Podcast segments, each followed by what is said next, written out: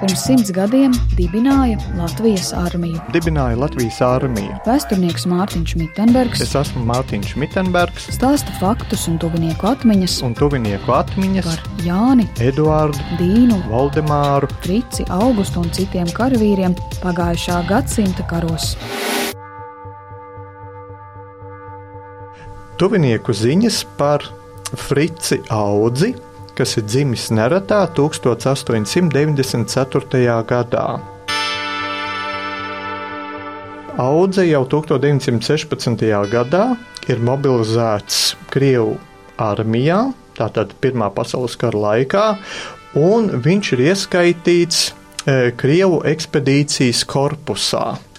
Bet nu, 16. gadā šādi korpusi tika sagatavoti, un vairāk kā 40 tūkstoši karavīru caur uh, Vladivostoku ar kuģiem caur vidusjūru tika nogādāti uz Marseļu, vai kā šajā gadījumā Fricis Saudz bija nogādāts līdz Brestes ostai Francijā, un tur viņiem sākās kara darbības. Nu, un te mēs arī redzam vienu ģimenes fotografiju, kur viņš ir redzams ar uh, savu sievu Praskofju 1925. gadā. Visnotaļ mēs redzam tādu ļoti inteliģentu cilvēku, jo ņemot vērā, ka viņš ir gandrīz vai pavadījis astoņus gadus Francijā, es pieļauju domu, ka viņš arī nu, ir atgriezies kā Eiropietis jau ar tādu plašāku redzējumu par to, kas, kas vispār ir pasaulē. Un, un jāteic arī, ka šie karavīri, kas tika nosūtīti uz Franciju, gan kamēr viņi brauc ar kuģiem, tas bija diezgan ilgs posms, gan arī Francijas teritorijā, viņiem bija īpaši arī pievienot franču karavīri, kas viņiem arī apmācīja franču valodu. Un, un, un tā kā Man liekas, bija tāds arī ieguvums, ka ļoti daudzi no šiem latviešiem, kas bija šajās teritorijās, nu, cēla arī savu pasaules redzējumu. Te jau viņam ir tomēr jau, jau pie 35 gadiem, un, un ar tā laika nu, skaistajām vācu ūsiņām, šaurajām, tāda tvīda žakete. Nu, vismaz redzams, ka tā ir tāda situēta vidusmēra ģimene.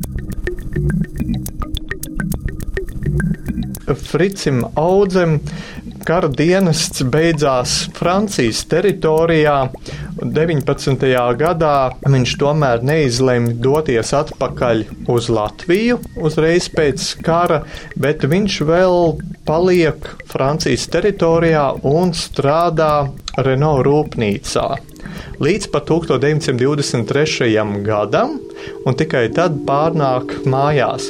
Tas ir diezgan izplatīti, jo pēc februāra revolūcijas Krievijā 17. gadā Krievu korpusa karavīri bija tādā nu, juku periodā, varētu teikt, un karavīri atteicās iet karot, daudz mēģināja pat dezertēt un neklausīja virsniekus, un tie, tie paši procesi visi notika arī tur.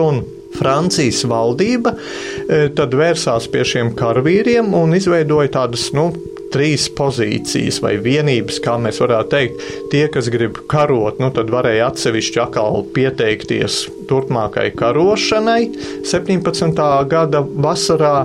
Tie, kas atteicās doties karos, un tie varēja pieteikties atbalstīt Franciju, piedaloties rūpniecības atjaunošanā, un tādi bija aptuveni 11,000 krievu karavīri, kas pieteicās nevis iet karot, bet tātad citos saimnieciskos darbos.